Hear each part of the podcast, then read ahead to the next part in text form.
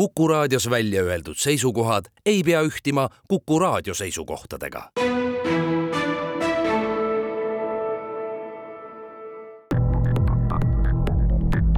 krimiraadio, Krimiraadio tere taas, on reede ja eetris on värske Krimiraadio. stuudios on ajakirjanikud Raul Ranne ja Karel Reisenbuk. me tavapärast kaassaatejuhti ekspert Andres Anveltit saate esimeses osas abiks ei ole. seega tuleb esimese hooga temata hakkama saada. tänases saates proovime lahti harutada ja lähemalt uurida, mis nähtus on eestikeelne allilm selleks oleme appi palunud loomulikult valdkonna parima asjatundja, Keskkriminaalpolitsei organiseeritud kuritegude büroo juhi Ago Leisi. tere tulemast Krimiraadiosse. tere. Ago Leis ei salga, et tänase saate teema tõukub ikkagi uudisest, et äh, Riigiprokuratuur saatis hiljuti kohtusse äh, Valeri Ramjala ehk siis äh, teatud ringkonnas ka jokkeriks kutsutud mehe kriminaalasja teda süüdistatakse kuritegeliku ühenduse loomises ning ähm, üheksa inimest sai süüdistuse sellesse kuritegelikku ühendusse kuulumises, mida ka itaaliapäraselt muide mm, La Familiaks on kutsutud. juba kahe tuhande kümnendal aastal pärast Jokkeri ja tema kaheteistkümneliikmelise jõugu süüdimõistmist ja neljaks aastaks vangi saatmist märkisite te ise, et vangistus seda seltskonda ilmselt ei lõhu ega paranda. nii et kuuleme neist veel te veel osutasite, et äh, niinimetatud Jokkeri grupeeringul oli selge kriminaalne mentaliteet, nad liigitasid ennast ise kurjategijateks, on omaks võtnud äh, subkultuuri tunnused ja teil oligi õigus, kirjeldage veidi, et millest teil toona see tunnetus? et eks Keskkriminaalpolitsei ülesanne ongi siis kaardistada ja koguda infot nende kuritegelike grupeeringute kohta, kes on siis, omavad siin mõju Eesti kuritegelikul maastikul ja ja me, me neid pidevalt monitoorime analüüs ja siis ka võtame vastavalt äh, võimekusele neid ressursse, äh, ressursse arvestades ka menetlusse et siis seda orgkuritegevuse, ütleme, maailma siin siis pärssida ja tekitada neil siis ka õiguskaitselisi probleeme, et, et et ei tekiks siin riigis selline negatiivne võim, et asju aetaksegi läbi äh, allmaailma, mitte läbi kohtute ja nii, nagu seadus ette näeb. ja ikkagi äh selle Jokkeri seltskonna kriminaalse mentaliteedi kohta, milles see ikkagi väljendus juba toona? ma noh, mis, millest ma ei taha nüüd nagu konkreetsest kriminaalmenetlusest, mis on nüüd üldmenetluses kohtusse jõudnud äh,, aga ma võin üldistada üldse, et tuua näited siis kuritegelikku ühendusest varasemast, et äh, see kriminaalmentaliteet on need kokkulepitud reeglid, et me elame teatud põhimõtete järgi, need on siis Vene orgkuritegevusest tulnud põhimõtted, niinimetatud banjatiad, need on sellised kirjutamata reeglid, koodeksid, mille kõik need ühenduse liikmed on võtnud omaks. Sealhulgas on siis see, et äh, vaikimiskohustus, õiguskaitseasutustega koostööd ei tee, äh, ka sisemised karistuse ja distsipliinireeglid, et kui keegi eksib, siis ka võib-olla sisemiselt karistatakse, ta on nagu iga organisatsioon nagu teine, juhtimisahel on poolest, kõik teavad oma ülesandeid struktuuris, äh, kes kellele siis allub ja, ja, ja selline organisatsioon on siis üles ehitatud ja seda siis see juht üritab siis nagu töös hoida või koos hoida, et ega juhi ülesanne ongi ju organiseeritud juures ka juhtida seda organisatsiooni, et see laiali ei jookseks. Jokkeri grupeeringut, niinimetatud Jokkeri eh, grupeeringut on eh, ikkagi peetud eestikeelseks eh, grupeeringuteks allilmas. Ja ma saan nüüd teie jutust aru, et nad olid omaks võtnud jällegi Vene kriminaalsest subkultuurist pärit niisugused banjati, et, et, et millega seda seletada või millest selline vene asja lembus siis? no ta ei ole lembus, aga siis tuleb tagasi minna siis paarkümmend aastat tagasi, et kuidas siis see ühiskassa moodustati ja kes seal seal siis laua taga istusid, on ju, et tegelikult need inimesed võtsidki üle siis selle teatud banjati, et sealt Vene allilmast ja nad kõik seda aktseptisid, neid kirjutamata reegleid seda koodeksit, ütleme niimoodi, ja kah-, kah-, kahtlemata oli ka seal teatud Eesti grupeeringuid, eh, kes siis omaks võtsid ja järgisid neid põhimõtteid, sest tegelikult kui kahe grupeeringu vahel tekib siin Eestis või Tallinnas konflikt, siis tegelikult järgitakse neid reegleid, et toimuks mingigi õigusemõistmine nende maailma kirjutamata seaduste järgi muidu oleks ju anarhia ja läheks tulistamiseks. no kahtlustuse kohaselt seesama mees nimega Ramjan ehk Jokker, kellest me siin juba rääkinud äh, oleme, nagu te ise mainisite, olid selged äh, reeglid, äh, käitumisjuhised, noh, muuhulgas näiteks neil tuli maksta ka liikmemaksu, kümme protsenti sellest äh, tulust tuli Jokkerile mida varaga tehakse, seda otsustas muidugi liider, aga milliseid selliseid klassikalisele organiseeritud grupeeringule omaseid detaile veel võiks nende puhul märkida? et ma jälle ei taha konkreetsele asjale peatuda, et äh, Riigiprokuratuur on siin toonud välja majanduskuriteod ja ja, ja ka siis ka teatud, teatud vägivald oli siis selles ühenduses sellega seonduv, aga, aga jälle teeme üldistuse, mis on üldse tänapäeval äh, orgkuritegevuse sissetuleku allikad, siis tegelikult ongi need majanduskuriteod, narkokuriteod, erinevad aktsiisi- ja maksupettused äh, ja muud varavastased kelmused. Need on need põhisissetulekuallikud, samuti vaadatakse nüüd praegu ka krüptondusse, krüptorahasse, investeerimisplatvormid, me ju näeme maailmas, mis toimub, et kogutakse investoritelt ja ostetakse kokku krüptoraha ja ühel päeval need investeerimisfondid, krüptofondid ju lendavad vastu taevast. raha on kadunud ja investorid on rahast ilma ja ikkagi, kui nüüd lugeda Riigiprokuratuuri pressiteadet antud süüdistuse kohta, siis või kriminaalasja kohta, siis muuhulgas nad ütlesid, et mõned tõendid või kogutud tõendid viitavad ka sellele, et kuritegeliku ühenduse püsivuse ja autoriteedi tagamiseks pandi toime vägivallakuritegusid. mis laadsed siis? Ma tahaks nagu täpsemalt nagu sellel peatuda, aga jälle vaadates üldse, et ma rääkisin sellisest sise, sisemisest kontrollist, distsipliini hoidmisest, et tegelikult äh, saab ka tuua varasematest kuritegelikku ühendustest, et kus tegelikult ka enda liikmete vastu ei äh, käsi, äh, käsi tõusis ja karistati neid. ikkagi te olete nüüd korduvalt küll öelnud, et konkreetsest Krimmi asjast te rääkida ei saa ja see on arusaadav, sest äh, kuidas öelda, advokaadid ei maga ja, ja seal on veel võitlus ees, kuidas kohtus läheb, aga siiski, mis haardega grupeering siin tegemist oli, noh, kui, kui mastaapne, kui, kui selline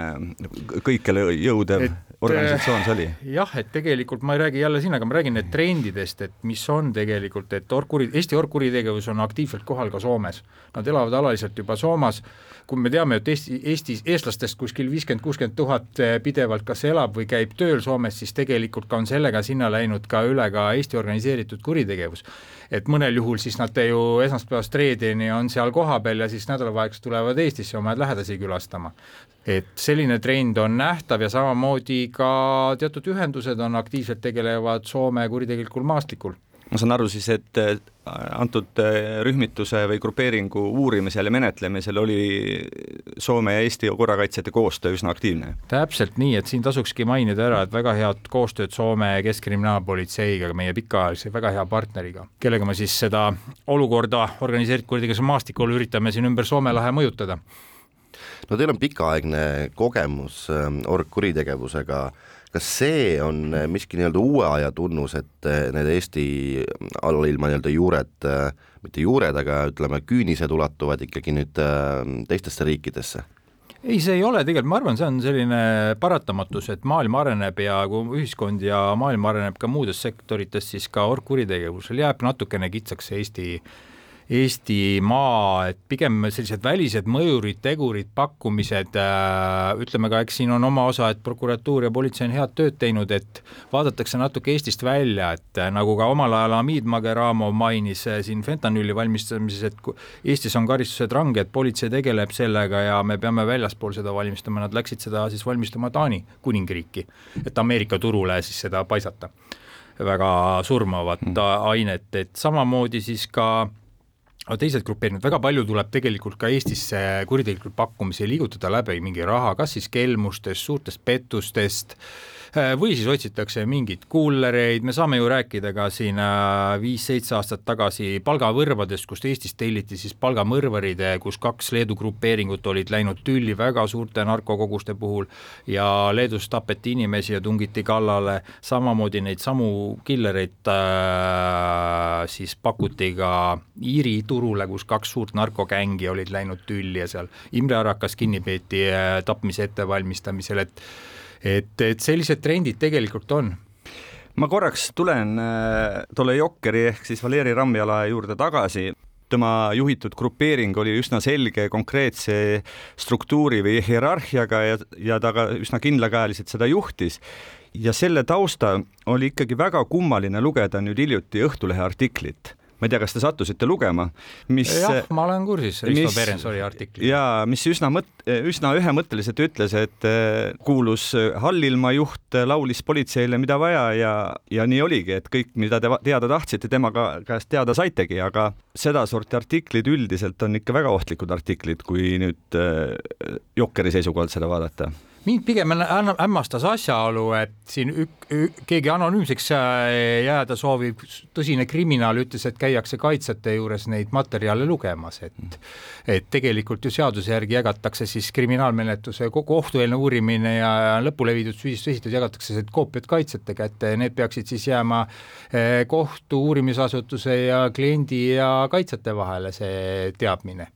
aga lugedes siis seda ajakirjanduslikku artiklit, jah, sealt oli nagu päris huvitav lugeda tegelikult, mis tegelikult reaalselt toimub Eesti allilmas ja kuidas allilm suhtleb siis teatud isikutega. aga on toimunud materjali lekkimine, jah? ma ei saa seda väita, aga ma saan toetuda ajakirjanduse andmetele, et, võib-olla. no kuivõrd see lugu üleüldse niimoodi kogu oma selles äh,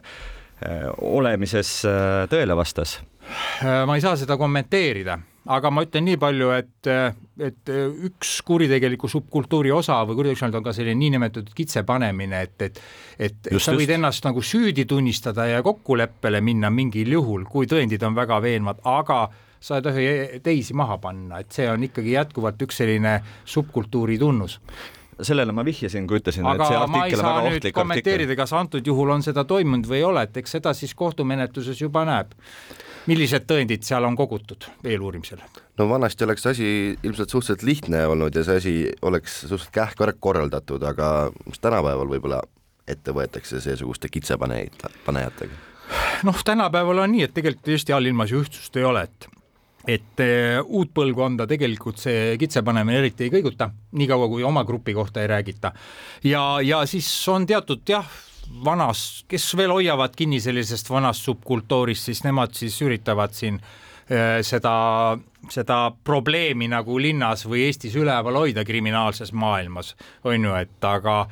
aga tegelikult ikkagi me ei näe, et sellist ühtset jõudu oleks, et eh, kes siis otsustaks, et kellel on õigus või ei ole, et tegelikult ikkagi Eesti allmaailmas on praegu nii, et iga grupeering ja iga isik otsustab ikka oma tegude eest ja vastutab samamoodi oma tegude eest, et ja võib-olla ka mõni inimene tulevikus tahab alustada seaduskuuleka eluga, et see etapp nagu elus jätta kriminaalne etapp selja taha ja minna sirge seljaga edasi ja olla ühiskonna täisväärtuslik liige, okei okay,, ma olen eksinud, aga nüüd on kõik sellega ja selle mõttega lähme väiksele pausile.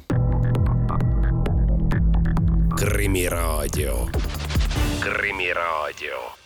krimiraadio jätkub, stuudios on ajakirjanikud Raul Ranne ja Karel Reisenbuk ning tänases saates proovime lahti harutada ja lähemalt uurida, et mis nähtus on selline asi nagu eestikeelne allilm ja selleks oleme omale appi palunud äh, oma ala parima asjatundja, Keskkriminaalpolitsei organiseeritud kuritegude büroo juhi Ago Leisi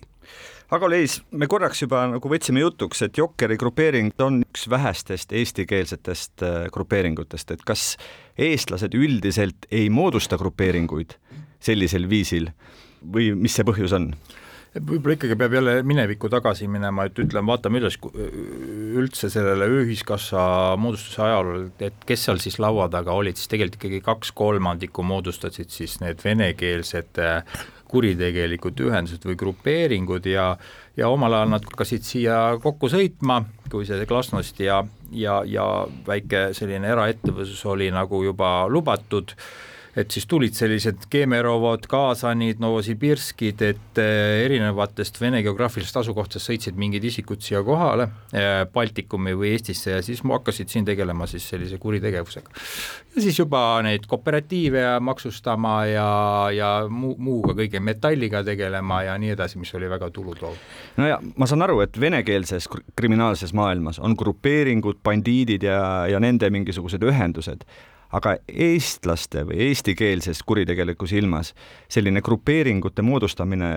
ja niisuguse selge hierar hierarhia ja subkultuuri tunnustega grupeeringu loomine on haruldane no ega teda varem ei olnud, et ütlemegi, et kui see perestroika pihta hakkas, et siis hakkas ka üheksakümnendatel hakkas moodustama ka linnuvabrik, kus sai sellise eesti, eestikeelse orgkuritegevuse algus pihta, et et linnuvabrik oli kellelgi, kes siis jagas nende vene grupeeringuga puid ja maid siin, mis päädisid mitmete tulemist, tulistamiste, plahvatuste ja, ja teadmata kadunud isikutega. et selline konflikt oli tegelikult õhus, et siin äh, mõõdeti neid piire ja jagati seda kuritegelikku turgu ja maailma no linnuvabrikut äh, ise ka nüüd äh, mainisite, just nimelt kui me räägime eestikeelsest allilmast, siis kõige sagedamini ikkagi tähistab seda seltskonda see linnuvabriku grupeering, miks just linnuvabrik, miks just seal? no eks siis oli, aeg oli küps, et seal oli teatud noori teotahtelisi isikuid kuritegelikus maailmas, kes siis said kokku ja oli ka mingid ühendavad või aated, mis neid nagu, nagu kokku tõmbasid et eks seal olid ka teatud juhtfiguurid, et palju on nendest lahkunud äh, ka kuritegelik teel siin maailmast omal ajal ja aga eks sealt siis lõpuks ju kasvas välja ka siis Assar-Paulu kuri, kur, kuritegelik ühendus, mis siis nagu äh, oma kuulsusetu lõpu sai kohtu, kohtu kohtuotsuse näol ja, ja, ja põhimõtteliselt see kuritegelik ühendus on praegu selle all laiali jooksnud, jah, on olemas mingid isikud, kellel on veel mingi mõju ja oma arvamus kuritegevuse maailmas, aga tegelikult sellist ühtset nimetajat ei ole. me Assar Pauluse juurde tuleme pisut hiljem tagasi, aga ma jätkaksin linnuvabrikuga, et eh, nagu te ka mainisite, et eh, üheksakümne kolmanda aasta mais Tallinnas siis järvel asuvas Neste tanklas toimus tulistamine ja, kus siis Linnuvabriku grupeeringu ja Permi, toona siis üsna tuntud äh, Permi grupeeringu tegelased omavahel siis tuld vahetasid ja, ja nii mõnigi mees sai seal pihta, keegi ka surma. kas Linnuvabriku grupeering oli otseselt nagu oponendiks nendele venekeelsetele grupeeringutele, sest äh, mõnes teises äh, kaasuses ma panen tähele, et nad on justkui noh, üks ja sama Eesti allilm ja ei mingit oponeerimist kuidas neid siis vaadelda selles? no eks seal käis ikkagi äh, selline teatud äh, äride ümberjagamine või katse kellegi äri üle võtta, just minu, minu andmetel ju jäi ka väga palju isikuid teadmata kadunuks nii Permi grupeeringust, et, et, et eks seal siis eestlased andsid oma, Eesti grupeering andis oma panuse nende isikutele kadumisele, mäletan neid Robert Pohlaki juhtumeid, kus isikud, isikud tulid autoga kuskilt äh, Peterburi poolt ja siis nad peatati politsei vormis ja jäid teadmata kadunuks ja nii edasi, et ütleme, et see konflikt oli pikalt õhus ja alati iga konflikt nagu, kui keegi võtab pinget maha ja ei suudeta kokku leppida, läheb mingi keemistemperatuurini ja kui on keemistemperatuur, siis võib juht tulla, kaasneb sellega juba vägivald, tulistamised, pommiplahvatused ja nii edasi, see oli nagu, sellel oli see igapäevane, et täna on hoopis, hoopis teine situatsioon Eestis aga see ei olnud äh, eestikeelsed, venekeelsed äh, niisugune vastasseis, vaid see oli konkreetselt kahe niisuguse ühenduse omavaheline mingisugune arvete klaarimine? kes seda ju täpselt teab, meid seal kohapeal ei olnud, et eks seal oli ka osa natuke sellist ikkagi meie ja teie vahet ja ikkagi, et kes siin Eestis siis neid asju nagu tegelikult peaks otsustama ja kuritegeliku maailmas nagu asju paika panema, et seal oli ikka seda ka tegelikult aga noh, vaadates praegu kuritegelikku ühendusi, siis sa võid igast kuritegelikust ühendust leida nii venekeelseid eestlasi kui ka armeenlasi, tšetšeene, mida iganes, et äh, see olukord on muutunud, enam ei tõmmata neid jooni väga täpselt vahele. Võib-olla siis oli veel see joone tõmbamine, aga see oli ju organiseeritud kuritegevus, oli teatud arenguetapis selline kauboikapitalism, riik ja politsei olid veel nõrgad õiguskaitseasutused ja siis see andiski võimaluse neil siin natukene laiutada ja oma maid ja puid jagada, praegu on hoopis olukord teine et kuulajale võib-olla seda hullu aega natukene näitlikustada, siis äh, see, mis seal ikkagi järvel äh, seal Nestes äh, toimus, see nägi välja nagu üks vägev filmilavastus, et põhimõtteliselt üks punane Dodge Rami buss sõitis sinna ette, tagant uksed läksid lahti ja linnuvabriku poisid siis vist röökisidki sealt autost veel umbes, et teile, sõbrad, on meile üks kingitus ja läksid valangud lahti, noh, see ei olnud muidugi nii viisakalt, eks ole, mm, öeldud, aeg oli igal juhul ähm, hull. aga mis rollis oli eestikeelses allilmas Kalev Kurg. muide, sel nädalal möödub täpselt kaheksateist aastat tema tapmisest, et kes tema oli allilmas toona? eks tema oli siis üks nendest vähestest äh, linnuvabriku grupeeringu liidritest, kes äh, jäi ellu äh, sellise esimese lainega, kui toimus sõda nende Vene grupeeringutega et tema jäi ellu ja siis tema oli selline üks selliseid figuure, keda siis lõpuks ka venekeelne allilm võttis nagu ja aktseptis. mulle meenubki üks skeem, selline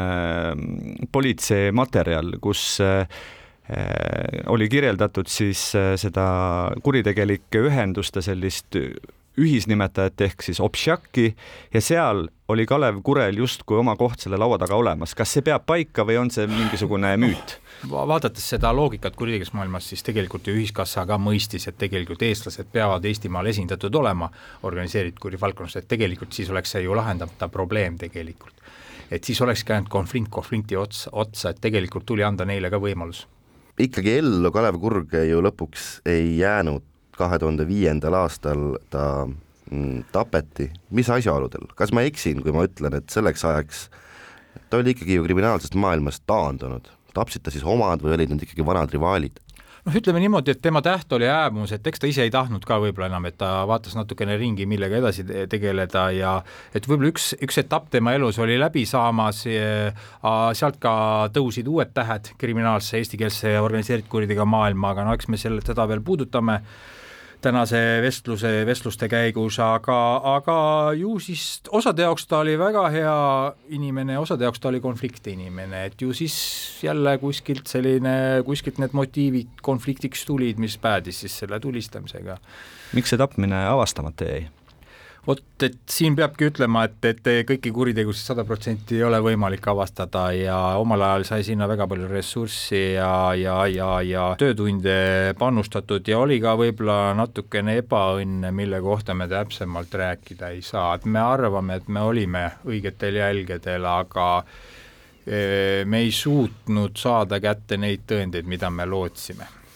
Assar Paulust peeti koheselt Kalev Kure tapmise järel tema mantli pärijaks ja peetakse üldiselt ka täna eestikeelse allilma liidriks, kuigi te siin just natuke aega tagasi ütlesite, et järel on vaid Riismed ja seda autoriteeti võib-olla liiga palju ei ole. teiselt poolt öeldakse, et ta jätkuvalt juhib mingisugust allilma sektorit, kuidas ta seda teeb, olles ise samal ajal kinnipidamisasutuses? et ma ei tea, kust teil pärinevad need andmed, kuid äh, Assar Paulus kannab väga pikk pikki vanglakaristusi, et alguses ta kandis seitse aastat ja nüüd ta sai ebaseaduslike tulirelvade eest veel pika vanglakaristuse, et ega ta sealt vanglast tegelikult ei juhigi, et see on tegelikult vale arusaam siin, et ja kas ta juhib tulevikus, seda saame juba siis ja kas ta tahab juhtida, saame teha järeldusi siis, kui ta vabaneb kunagi kinnipidamisasutusest, et praegusel hetkel ikkagi tema juhtimist siin Eestis ei ole tegelikult, et toimuvad hoopis teised protsessid organiseeritud kuritegevus. aga see grupeering, mis tema ümber omal ajal oli, seda ju ometi kuidagi noh, see ju tegutseb mingilgi moel Ei. ja seda kuidagi nii-öelda argiselt ka juhitakse, kes seda siis teeb või kes tema asemel asju liigutab ja otsuseid vastu võtab? tegelikult sellist juhtimist ei ole, et tegelikult ma arvan, et Keskkriminaal tõmbas sellele kuritegeliku ühendusele joone peale sellega, kui nad kaks tuhat neliteist kuritegeliku ühenduse liikmed kinni peeti aprillikuus et seda kuritegelikku ühendust on korralikult pärsitud ja ma võin näitena tuua, et kui varem ennem kahte tuhat neljateist aastat, kas Kesk-Eestis, Pärnus, Tartus või Tallinnas toimus mingi arvete klaarimine, siis alati kuskilt kustus välja, et ma olen Assari inimene, sest mm. alati noh, kui kaks, kahe grupeeringu inimesed mingit konflikti jagavad, siis sa pead ikkagi identifitseerima, kelle inimene sa oled tegelikult, et lõppude lõpuks otsustavad ikkagi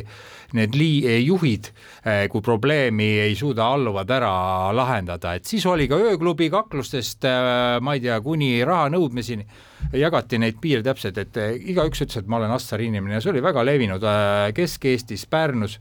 ja nüüd on see kadunud ju, et keegi ei julge enam midagi rääkida selle kohta, keegi ei julge enam afišeerida, et ma olen Keemero või Assari inimene, tegelikult see on ju see, et inimene positsioneerib, kellena ta on kuritegelik ühendus, et see ühendus eksisteerib. Ja tegelikult see on ka tõend eh, politseile selles mõttes, et kõike seda räägitud, mida inimesed räägivad, võivad kasutada ka nende vastu siis juba kohtumenetluses. Et eh, tegelikult orgkuritegevus on maailm, enam nad ei taha vastu rinde, kes on kes. pigem nad katsuvad konspireeruda, legendeeruda ja sulanduda ühiskonda ka need Jokkeri omad, minu teada nemad ikkagi väga ei häbenenud oma grupeeringusse kuulumist ja seda, et üldse selline grupeering on. La Familia. noh, egas igas ühenduses on ka konspiratsioon väga olulisel kohal ka nende puhul ja, ja tegelikult ega nad eh, valisid kohta aega ja kus öelda, et kes nad on ja mis nad on me enne saatesse tulemist äh, ütlesite teie, et, äh, et võiks rääkida tulevikust, et, äh, et mis me siin nendest mineviku asjades ikka sorgime, et aga mis on tulevik, kas teil on silmapiiril juba näha mõni selline hoogsam noorte Eesti meeste grupeering,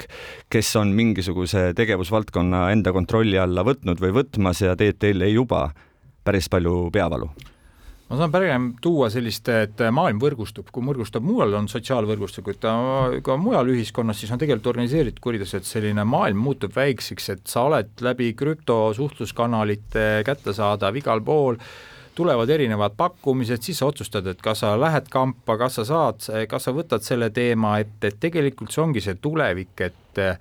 võrgustike ärakasutamine, mida me võime siis nagu tuua näitena siis seda FBI-ga läbi viidud äh, Anom krüptotelefonide operatsiooni, et seal tegelikult Keskkriminaalpolitseile joonistus väga hea pilt välja, et kuidas seda narkoäri rahvusvahelisel tasemel aetakse, et keegi juht on äh, Hispaanias äh, tal on üles, üles ehitatud terve organisatsioon, igal inimesel on oma tööülesanne, kes on, kes vastutab mingite ütleme siis suure rekka saatelehtede eest, kes võltsib neid, kes, kes pakendab, kes siis on, kes siis vastutab logistika eest, kes siis juba võtab neid tellimusi vastu kuskilt Skandinaaviast, see on tegelikult terve organisatsioon. Et ongi sellised võrgustikud ehitatakse üles. Ja seal tehakse juba koostööd siis juba teist vastavate riikide organiseeritud kuritegelike gruppidega. Et see on nüüd see, mis on, et äh, võrgustamine. Ja siis need pakkumised tulevad juba väljas väl,, väliskeskkonnast Eestisse see Anom oli huvitav juhtum, ma olen sellest kunagi kirjutanud, ma siin hakkasin meenutama, kas vist oli nii, et äh, koostöös tõesti FBI-ga ja FBI abil FBI seadis lõksu neile? Jah, FBI ja Austraalia siis tulid selle idee peale, et seaks lõksu, et jagaks siis kurjategijatele neid krüptotelefone, milles siis selline suhtlus on, suhtluse konfidentsiaalsus on garanteeritud ja sealt ta siis hakkas buumima ja ta läks isegi väga laialt võeti kasutusele, ta jõudis ka Euroopasse ja, ja ka siia Eestisse ja Soome välja, et isegi FBI on ise öelnud, et nad isegi ei osanud ette, et kui kiiresti tegelikult kogu organiseeritud kurjus maa üle, ümber maailma hakkas seda kasutama, suhtlusrakendust ja kanalit. Kogu selle nii-öelda teadmise juures me peaksime siis äh, võtma ka teadmiseks, et klassikalisi selge hierarhiaga mingisugusele raudse käega juhituid äh, süsteeme on aina vähem. aina vähem on neid muidugi ka eestlaste hulgas siis. ei, ütleme, et see ühiskassa ju sellisel puhul eksisteerib, et osad ühendused inertsist veel toimivad, aga jah, et ega need venekeelsed äh, põhimõtted või panjad, et need ajas hakkavad muutuma ja tulevad uued, uued põhimõtted peale, et money talks et see on tegelikult ikkagi ja siis äh, meil on ka Eestist näiteid, et ma ei saa kõike rääkida, aga tegelikult ju äh, tegelikult ju äh, mõnikord unustatakse suure kasu teenimisel äh, põhimõtted ju ära või pigistatakse silm kinni. tegelikult on sellised trendid täitsa tajutavad. aga Keskkriminaalpolitsei organiseeritud kuritegude büroo juht Ago Leis, täname teid stuudiosse tulemast. krimiraadio jätkub pärast väikest pausi. krimiraadio, Krimiraadio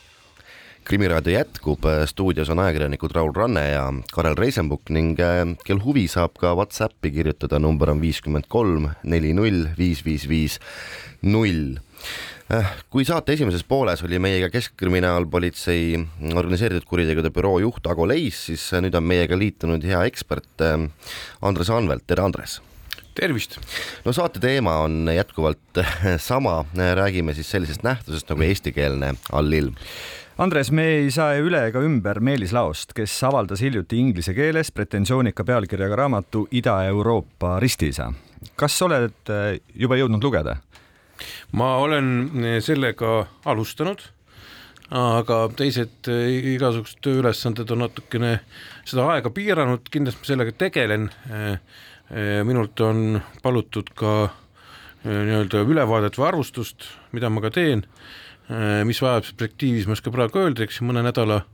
või kuu jooksul äh, ta peaks ilmuma, aga jah, ma olen lugenud esimesi lehekülgi. Äh, noh, ütleme niimoodi, esimene hinnang on selline, et ta on, esimene osa vähemalt on kirjutatud üles niimoodi filmilikult äh,, hinnata nüüd seda kogu kontekstis, palju seal on tõtt, palju seal on isiklikku nägemust, palju seal on fantaasiat, palju seal ilukirjandust, eks seda saab teha siis, kui raamat on läbi loetud Äh, tänase saate teemat arvestades pean ma küsima, et kas Meelis Lao on üks neist, keda me võiksime nimetada või on teda varem nimetatud osaks eestikeelsest allilmast? Äh, no tema puhul on see, et ta ju ise ka ei eita seda ehk tegelikult äh, kui me räägime üheksakümnendatest, siis tal oli kindlasti märkimisväärne roll. aga ta oli omapärane või siiamaani on, aga üheksakümnendatest, kui me räägime, siis ta oli ikkagi oma pärane tegelane. Esiteks sellepärast, et teda oli väga raske seostada nüüd ühe või teise konkreetse grupeeringuga, kuigi kui me võtame täitsa tema minevikku ja kui ma nüüd ei eksi, äh, andke mulle kuula andeks, aga mina mäletan, kui, et tema esimene üldse kohtulik karistatus oli ju veel selles seltskonnas nagu Meelis Lao, Kalev Kurg ja ja see oli veel keegi tolleajastest, see on mingi kaheksakümnendatel aastatel äh, seltskonnast, nii et see näitab seda, et tegelikult see taust on tal ikkagi sinna aega, need on sportlased, need on äh, selliste noh, kuidas ma ütlen, kogu selle linnuvabriku grupeeringu taust suuresti oli ju äh, üleminek, eks ju, sellised kinniselt Nõukogude süsteemilt ärimaailma äh, ärindusse, siis ütleme nende hotellide, turistide, prostituutide tasemel ja, ja täpselt samuti siis seal kuskil ka laveeris Meelis Lao, aga nüüd on jah küsimus sellest, et miks ja kui palju tema teed läksid lahku. kindlasti ma arvan, et võib-olla ta seletab seda ka oma raamatus, aga mis ma tahan öelda, on see, et eh, juba üksi see fakt, et eh, tema eh, elu jooksul, eriti üheksakümnendatel on tal olnud nii palju siis tapmiskatseid tema suhtes, näitab seda, et ta kindlasti oli sealt maailmas aktiivne ja ei saanud kõigiga nii hästi läbi kui vaja no täpselt, teda on tulistatud Kalašnikovi automaadist rindu, püütud õhku lasta, mida iganes, seitse atendaadikatset vist, kui me neid hakkame kokku lugema no mingi põhjus äh, pidi ikkagi olema, oli ta siis all ilma ristiisa või? Ma seda natukene muidugi natukene pelgaks, seda väljendust ristisa on ikkagi esiteks äh, väga suure ajaloolise ja ütleme siis äh, kriminaalse kultuuriga maailma äh, selliste ametinimetuste tipphierarhia. Ja ma arvan, et üldse rääkida Eestis isegi üheksakümnendatel sõnast maffia koos ristisadega natuke palju, ehk pigem on olemas autoriteedid, liidrid, tal oli kindlasti oma ütleme niimoodi, maailmas oma positsioonis oma autoriteet, mispärast teda taheti ka kõrvaldada, mispärast taheti inimest kõrvaldada, tähendab näiteks seda, kõige lihtsam taust on see, jällegi üksikasju ei tea keegi ja sellepärast spekuleerida ei tahaks, aga näiteks mingi grupeering teeb kellelegi katust mingisugusele organisatsioonile, ettevõtlusele, põrandaalusele ettevõtlusele ja, ja keegi tuleb, ütleme konkurendi poolt lahendama neid probleeme ja, ja kui see lahenduseni ei jõuta, siis selleks, et säilitada oma positsiooni allilmas, siis sa pead selle teise poole lahendaja ära kõrvaldama, näidata, et näete, te võite küll abi küsida endale mingisugused teised tegijad, aga me tapame ta ära ja me niikuinii juhime teie äri ja võtame teie ärist mingisuguse jupikese. nii et antud juhul ma arvan, et eriti üheksakümnendatel kõik see oligi täpselt samuti üles ehitatud, ehk eh, see on kuritegelik konkurents kuritegelikus maailmas, kus siis probleemide lahenduse üks variante oli kindlasti vägivaldne eh, siis kuritegeliku maailma konkurendi kõrvaldamine teisalt, kui ma nüüd loen ühe hiljuti avaldatud usutluse sissejuhatust ja seal, seal kirjutatud, et laod on kohtus süüdi mõistetud inimeselt vabaduse võtmises, maksupettuses, salapiirituse veos, tulirelvade ebaseaduslikus käitlemises, luksusauto süütamises ja nii edasi. aga trellide taha teda ei pistetud. Ehk et milles see põhjus oli, et tal ikkagi õnnestus pääseda karistusest no kui ma ei eksi, ta on ikkagi saanud mingisuguseid tingimisi karistusi ja, ja selliseid asju, aga äh, ütleme niimoodi, et eh, ega ka selles maailmas eh, ütleme, on koht andekamatel ja mitteandekamatel inimestel ja temal on olnud, tähendab võimalus, oskus eh, laveerida ennast välja juba üksi läbi selle, et nii mõnigi tema kuriteokaaslane nii-öelda, kes on nendest kohtuasjadest läbi käinud, on saanud rangemalt karistada kui teda, tema. nii ehk ütleme, selles mõttes ta on öö, ütleme selle maailmas ikkagi andekat rolli pidanud ja, ja ma ei oska võib-olla kirjeldada neid üksikasju, mispärast ühest või teisest konkreetsest asjast on ühtemoodi või teistmoodi siis välja tulnud, seda peaks võib-olla küsima talt, mis ta ise sellest arvab. No kui osutada Lao enda sõnadele, siis et ta tegi koostööd siin Jüri Pihli ja Johannes Kerdiga, et siis seista Venemaalt saabunud kurjategijatele vastu, siis on see isegi võib-olla natuke mm, mõistetav, oli ta siis osa suuremast mängust palju andestati võib-olla? no ma esiteks natukene muidugi arvestaks sellega, eh, ma tean, see on tema raamatus, peaks olema kuskil need laused ja kui ma loen, siis ma oskan seda paremini kommenteerida, tuleb arvestada, et mõlemad härrased, kellest me räägime, on tegelikult siit ilmast lahkunud ja, ja eh, siduda ennast siis loorberitega nendega, kes on lahkunud, eh, on kergem kui nendega, kes võivad hakata vastu vaidlema. ma olen kindel, et kui need härrasmehed oleks elus, siis nad võib-olla vaidleksid sellele vastu, mitte võib-olla, ma arvan, päris kindlasti tulenevalt ka oma positsioonidest, siis eelnevas elus või praegu, aga kindlasti on fakt see, et Meelis Lao oli väga hea suhtleja ja on hea suhtleja ja ma arvan ka see, et ta, äh, mis, mistõttu võis ta ka näiteks üheksakümnendatel väga selge olla ka äh, oma konkurentidele siis vastumeelne konkurent või ütleme niimoodi segaja, et ta kindlasti suhtles väga paljude nii-öelda legaalse maailma tegijatega, nagu ta ise on ka öelnud ja nagu me oleme meediast lugenud, eks ju, siis lausa linnapeade, pankuritega ja siis kindlasti ka õiguskaitseorganite inimestega. teisalt ta samas ka ise sageli osutab, et äh, selles hämaras maailmas istus ta samuti nagu kõige kõvemate otsustajate ja määrajatega ühe laua taga, et jällegi selline vastuoluline positsioon see on kindlasti vastuoluline positsioon, mis läheb kokku klassikalise, nii nagu me ka Ago Leisi jutus kuulasime, eks ju, et sa ei tee riigivõimuga koostööd. see on nagu siis nii-öelda eksponeetide alune eh, tegevusviis eh, head sõbrad, ma arvan, et peale seda, kui ma seda raamatut lugenud, ma tahan vaadata, kuidas ta ise seda põhjendab, et praegu see oleks minu poolt nagu selline ennatlik lähenemine, aga ma arvan, et jällegi ma jõuan sinnani, et eh, kindlasti allilmas üheksakümnendatel no sihuke tavapärane siis Abshagi, nagu ka me eelmises saate pooles kuulsime, eks ju, ühiskassa laua juures olijaks teda eriti pidada ei saanud, sest need inimesed, kes seal tegutsesid, tegutsesid noh, teistel põhimõtetel, kes Kolja Tarankovi ümber